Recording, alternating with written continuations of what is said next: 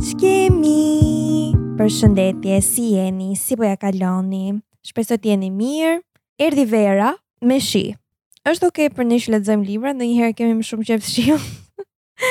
Por prapë na ka marr malli për pak diell, edhe më duket sikur e kam thënë në çdo episod, po vërtet ashtu ka ndodhur sivjet. Dhe në të njëjtën kohë shpresoj që vera mos të zgjasi 4 muaj, 5 muaj me nxehtësi 30 gradë, se ashtu vërtet do vdesim fare. Nejse, sot kam ardhur te ju me një episod të ri, ky episod do jetë komplet pa skenar, arsyeja sepse kam nja 2-3 muaj që mezi kam lexuar, sepse kam qenë në një book slump. Në qoftë se nuk e dini se çfarë është një book slump, unë e kam përkthyer, e kam shqipëruar si një ngërç librash.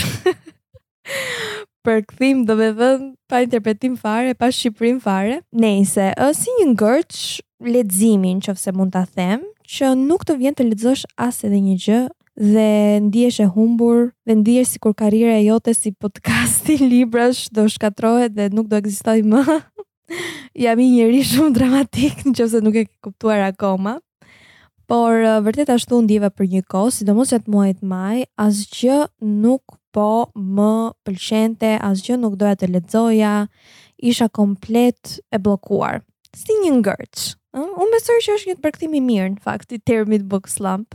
Kështu që sot doja thjesht të flisja pak për librat që kam lexuar ose më saktë librin që kam lexuar për të shëruar ngërçin tim, për ta nxjerrë veten time nga ky slump dhe pse ndodhi, cili ishte shkaku i këtij slumpi e të tjera e të tjera, pra do jetë një podcast sot vërtet si një bisedë. Edhe deri tani si biseda kanë qenë, po kanë qenë paksa më me më shumë kërkime, me disa gjëra të shkruajta në skenar që të mos rri 5 orë duke folur se unë në qoftë se filloj nuk mbaroj kurrë dhe ndonjëherë skenari më ndihmon që t'i them ato mendimet e mia dhe ato informacione që marr në internet, t'i them në mënyrë më koncize dhe më të qarta, se ndonjëherë kur flas pa skenar edhe vetë nuk marr vesh se çfarë po them, lëre më ju. në fakt ky ngërçi im e ka një zanafillë. është diçka që e fillova në muajin prill, më duket. Po bëja një research të vogël për tema të ndryshme që mund të diskutoj në podcast. Kujtova që Bill Gates është një person i apasionuar pas librave dhe letërsisë, dhe kështu mendova që do ishte shumë interesante në qoftë se unë do lexoja disa nga librat që ai ka rekomanduar për muajt e verës. Çdo vit ai bën një listë në fund të vitit, një listë uh, gjatë verës, edhe ndonjëherë gjatë pranverës, domethënë bën lista të ndryshme të librave që ka lexuar, zakonisht janë libra që kanë dalë në atë vit, pra në një mënyrë janë edhe një promovim që ai u bën librave, kush e di se ç'ka në një shares të një stock në një shtëpi botuese. Dhe mendova që disa nga listat e tij, që ai ka përmendur libra të cilat janë përkthyer dhe në Shqip, sepse nuk doja që të rekomandoja vetëm libra që ishin vetëm anglisht, Zakonisht librat e tij janë libra shkencorë, janë libra jofiktivë, me terminologji të vështirë për t'u kuptuar në anglisht, kështu që mendova që do ishte më e saktë dhe më e përshtatshme të gjeja libra të cilët ishin përkthyer në shqip. Dhe atë bëra, në fakt e kam listën këtu, Uh, do ju bëj një spoiler të vogël, unë këtë episod nuk besoj që do ta incizoj, prandaj jam këtu ku jam tani.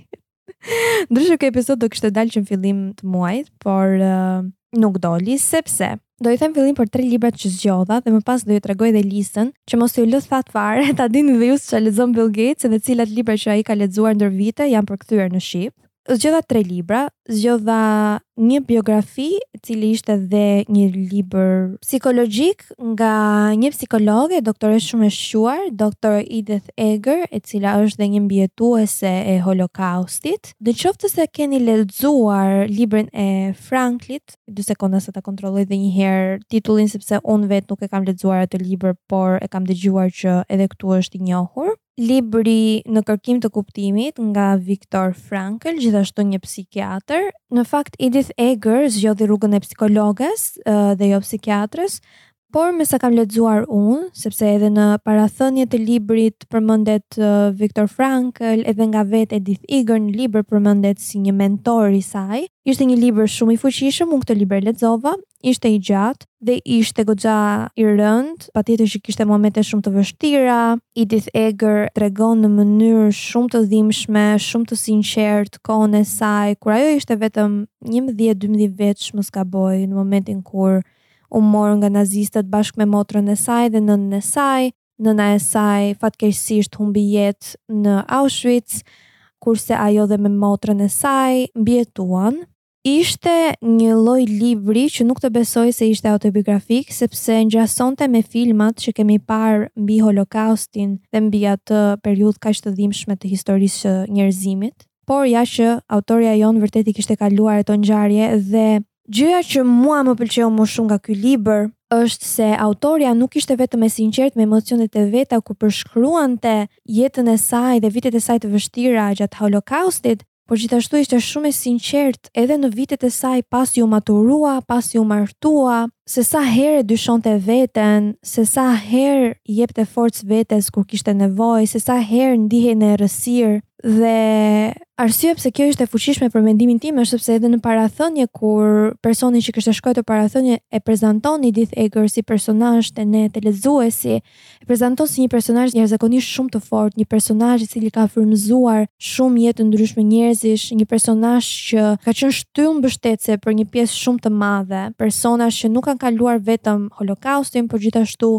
ngjarje të ndryshme traumatike të jetës së tyre. Dhe Kur e mendon një person të tillë nga larg thua që ai person ka gjetur forcën brenda vetes dhe vërtet me siguri nuk është se i kalon më ato vështirësi ndoshta aq shumë sa mund t'i kaloj unë në ato momente, por ajo tregon në çdo fazë të jetës se sa e vështirë ishte momenti kur ajo mbase merrte një vendim që ishte komplet jashtë zonës së saj të komfortit, Për shembull, një skenë që unë e mbaj mend dhe më ka ngelur në mendje është kur ajo vendos që të marrë liçencën e saj si psikologe dhe vendos që të aplikojë për liçencën në shtetin që kishte provimin më të vështirë në gjithë Amerikën, në shtetin e Kalifornisë, dhe pasi e kalon testin teorik, të cilin e ngel si fillim, dhe ajo theksonte faktin që mendonte se do e kalonte testin që në herën e parë, por në fakt ngeli dhe Kjo ishte si punë një shok për mua si lexuese deri tani thua wow.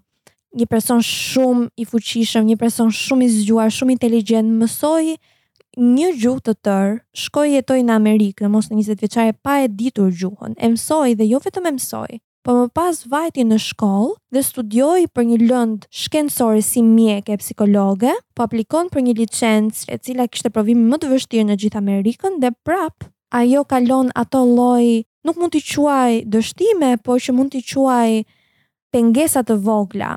Më pas ajo përballet me dy profesorë psikologë për të bërë provimin e saj me gojë ose ndryshe provim praktik. Aty ajo thotë që është përgjigjur pyetjeve më të vështira të jetës së saj dhe ishte jashtëzakonisht shumë e sigurt që do e humbte dhe do e ngelte.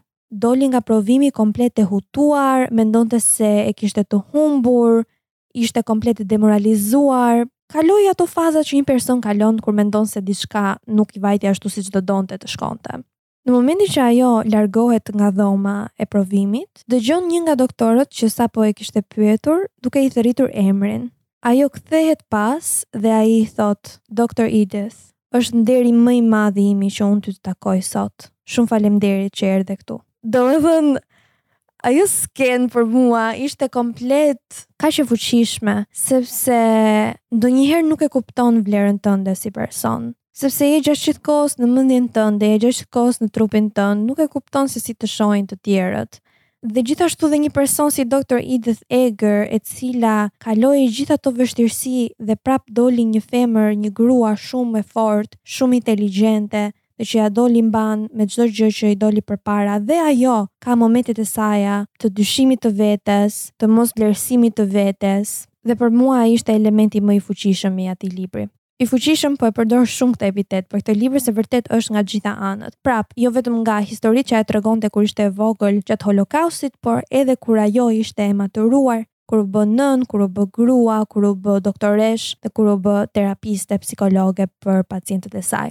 Nuk e di, unë këtë libër e rekomandoj shumë. Bravo Bill Gates, faleminderit për këtë rekomandim. Mua më shijoi, më shijoi në në në kuptimin që patjetër që është një libër shumë i dhimbshëm, por që ishte një libër i strukturuar në mënyrë perfekte për mendimin tim dhe Dr. Edith Eger është një shkrimtare shumë shumë e zonja, shumë e talentuar.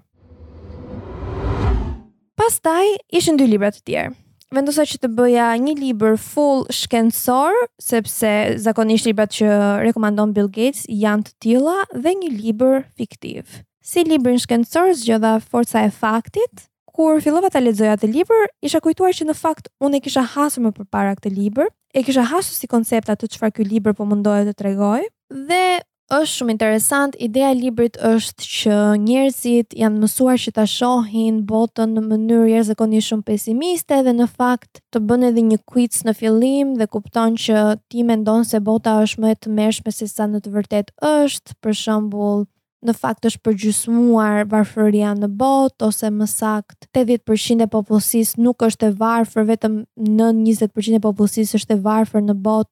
dhe çfarë konsideron ti varfëri, nuk është ashtu siç e mendon në të vërtetë, e të tjera e të tjera, ka këto lloj koncepte të cilat i zhvillon. Është një libër që unë nuk mendoj se mund të quhet i përditësuar në ditët e tanishme, patjetër që koncepti mund të aplikohet në çdo fazë të jetës tënde, në çdo fazë të njerëzimit, por që doktori i cili ka shkruajtur këtë libër në fakt nuk jeton më, kur u publikua libri, ai kishte humbur jetën Kështu që nuk mund të jetë ai vetë për t'i përgjithësuar informacionet e tij, informacionet paraprake, të cilat lexova sepse nuk munda ta përfundoja, ishin interesante, por ai akoma po fliste për ndikimin e televizionit dhe jemi në një pikë ku ndikimi i televizionit është komplet minimal në krahasim me ndikimin e internetit dhe rrjeteve sociale.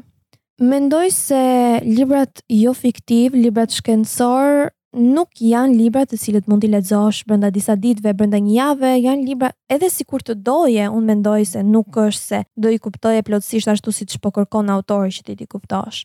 Janë ato lloje librash që për mendimin tim duhen lexuar gjatë një kohe paksa të gjatë, mbase dhe arsyeja pse unë e ndalova dhe thashë, ok, do e filloj në një periudhë tjetër këtë libër. Aty filloi ngërçi im. Sepse, e fillova Forca e faktit pasi lexova zgjedhjen, thashë ok, po e lë një herë këtë dhe po vazhdoj pak librin fiktiv. Libri fiktiv ishte Një Gjentlmen në Moskë, nga Amor Towles, Amor? Për çfarë është një gjentlmen në Moskë? Flet për një kont tridhjetë vjeçar, tridhjetë vjeçar! Ok, po lexoj pak atë përshkrimin këtu dhe në fakt nuk e dija fare që ky ishte 30 vjeç, po se mua m'u duk kur po përshkruhej, m'u duk si një kont plak. Wow, ok, kjo do Kjo e tregon se sa unë isha shumë e lidhur me këtë libër kur po e lexoja, gjithsesi. Ky konti në fakt është gjatë viteve 1922 sa kishte zbarkuar në qoftë se mund të themi revolucioni bolshevik në Rusi, kishte rënë perandoria ruse bashkë me familjen Romanov, familjen mbretërore Romanov. Këtu kemi një kont tridhjetë vjeçar i cili është një aristokrat fort i perandorisë ruse. Pra është mësuar në luksin e perandorisë dhe në atë lloj jetese mbretërore të cilën patjetër që nuk e gjen më në revolucionin socialist bolshevik dhe për këtë arsye paraqitet para një gjykate bolshevike dhe nuk tregon asnjë shenjë pendese ose faji për të shkuarën e tij, kështu që bolshevikët vendosin që ta mbyllin brenda një dhome komplet të vogël, primitive, në qoftë se mund ta quajmë në sytë e kontit, në hotelin në të cilin ai ka jetuar pothuajse shumicën e kohës kur jetonte në Moskë. Këtu ai takon një vajzë të vogël, ata të dy bashkë krijojnë një marrëdhënie të lezetshme dhe aty vazhdon historia, po unë nuk e di si vazhdon sepse unë nuk e vazhdova librin. Mendoj se unë dhe ky libër takuam njëri-tjetrin në një periudhë jo të përshtatshme. Nuk e di pse e ndjej sikur unë do e pëlqeja shumë këtë libër.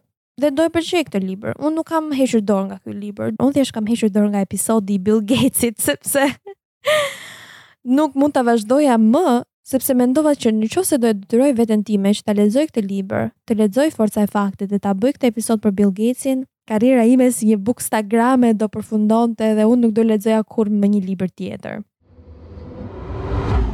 Në fakt janë disa arsye të ndryshme se pse një person thjesht ndalon së lexuari dhe kalon këtë ngërçin për të cilin kam folur deri tani. Një arsye është sepse nuk ka kohë, thjesht ka shumë punë, është shumë i zënë dhe nuk mundet që të marrë një libër dhe të ulet dhe të lexojë dhe t'i japi kohën e duhur. Një arsye tjetër është mbase se po kalon një ndryshim shumë të madh në jetë, për shembull, Unë kur fillova universitetin, kalova tre vitet e universitetit pa lexuar asnjë libër pothuajse, kështu që e kuptoj shumë mirë dhe atë anë.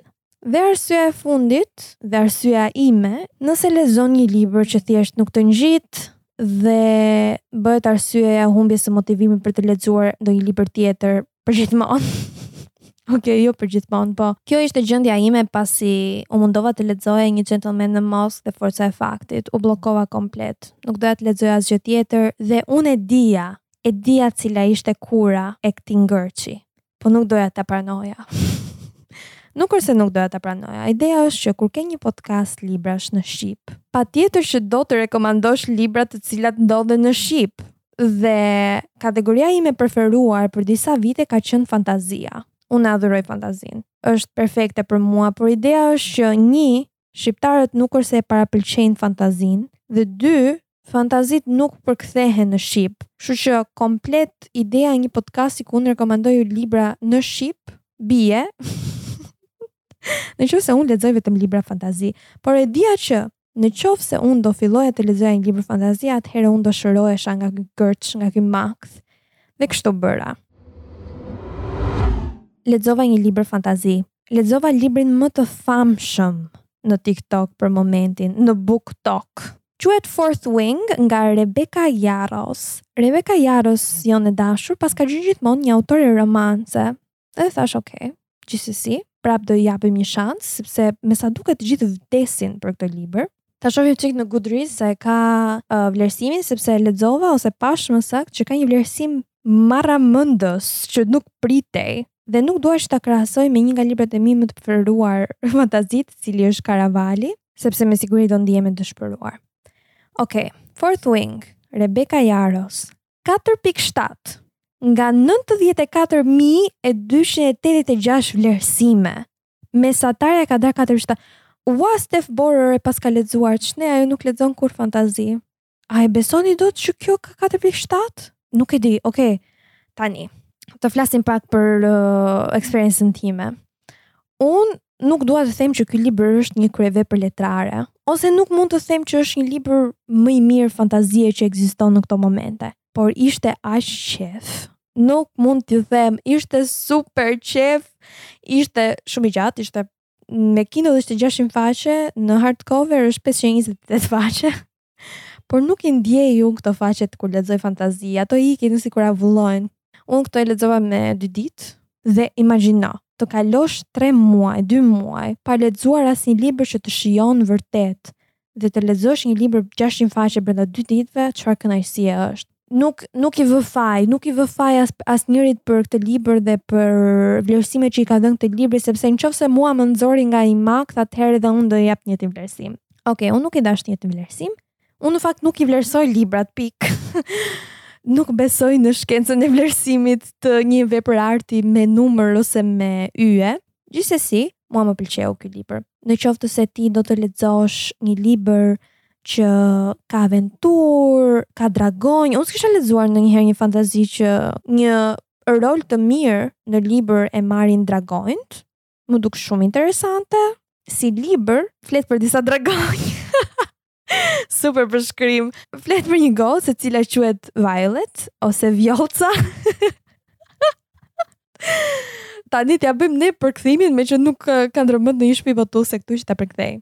Vjollca është eh, një 20 vjeçare, ok? Kemi disa personazhe moshën tonë, nuk janë 16-17 vjeç.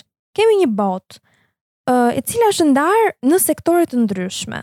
Mendo e zëmë Divergent, Divergentja. Mendo Divergentja që kishte vetëmohuesit edhe miqësorët edhe sypatremburit, këta sektorë të ndryshëm, mendo atë.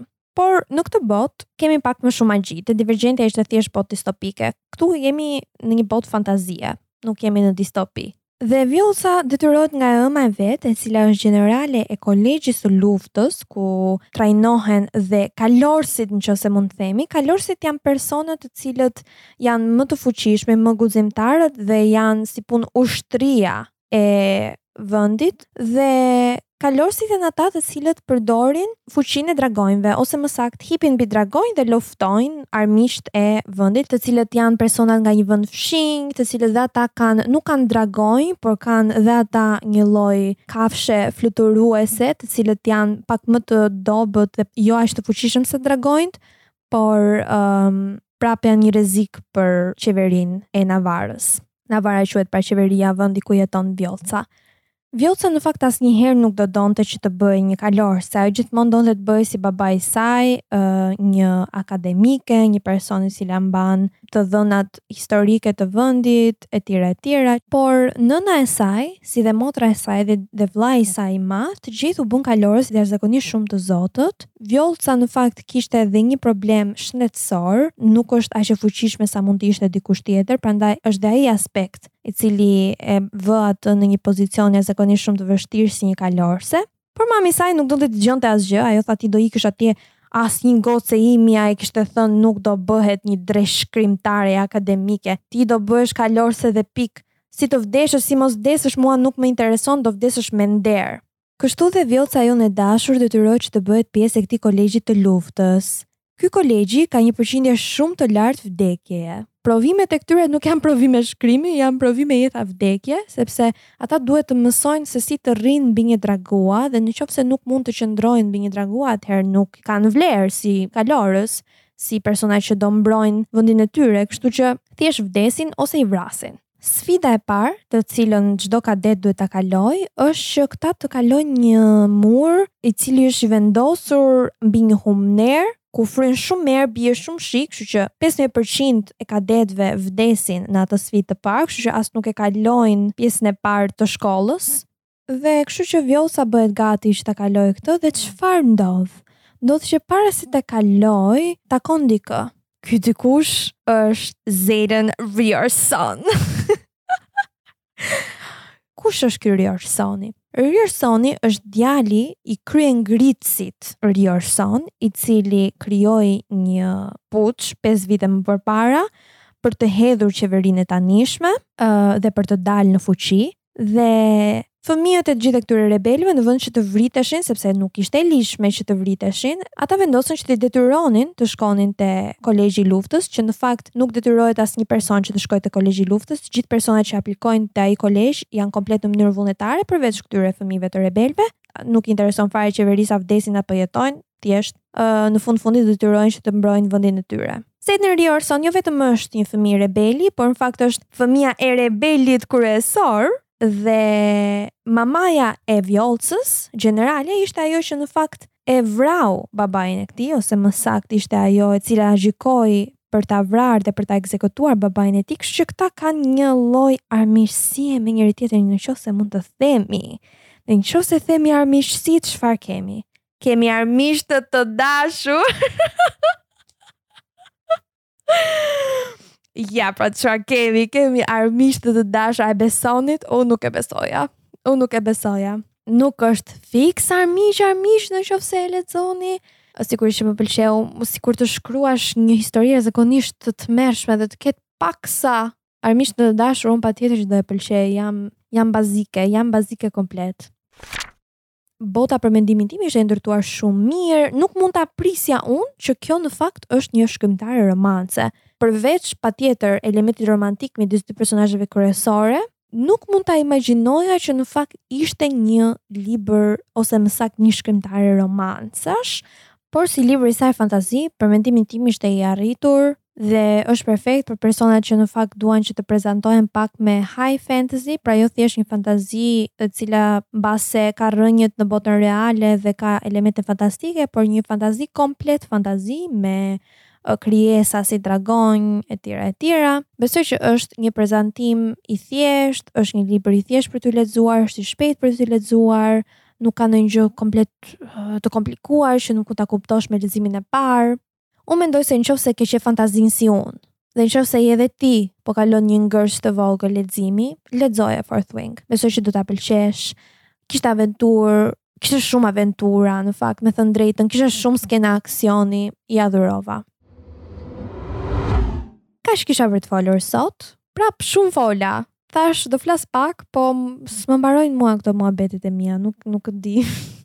Në qoftë se doni që unë të bëj një episod të tërë mbi The Fourth Wing, nuk e di në qoftë se do ishit të interesuar, në qoftë se doni të dini pak më shumë mbi librin, janë gjashtëqind faqe, kështu që ka shumë për të diskutuar, më besoni dhe dihet që unë kam shumë për të folur dhe shumë për të thënë. Kështu që më thoni, më dërgoni një mesazh në Instagram.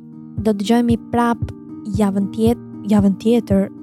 Do doja që të ishte një episod çdo javë, por nuk mundem. Kështu që do shihemi pas dy javësh, shpresoj. Shpresoj që të jeni mirë dhe ju përshëndes. Ciao!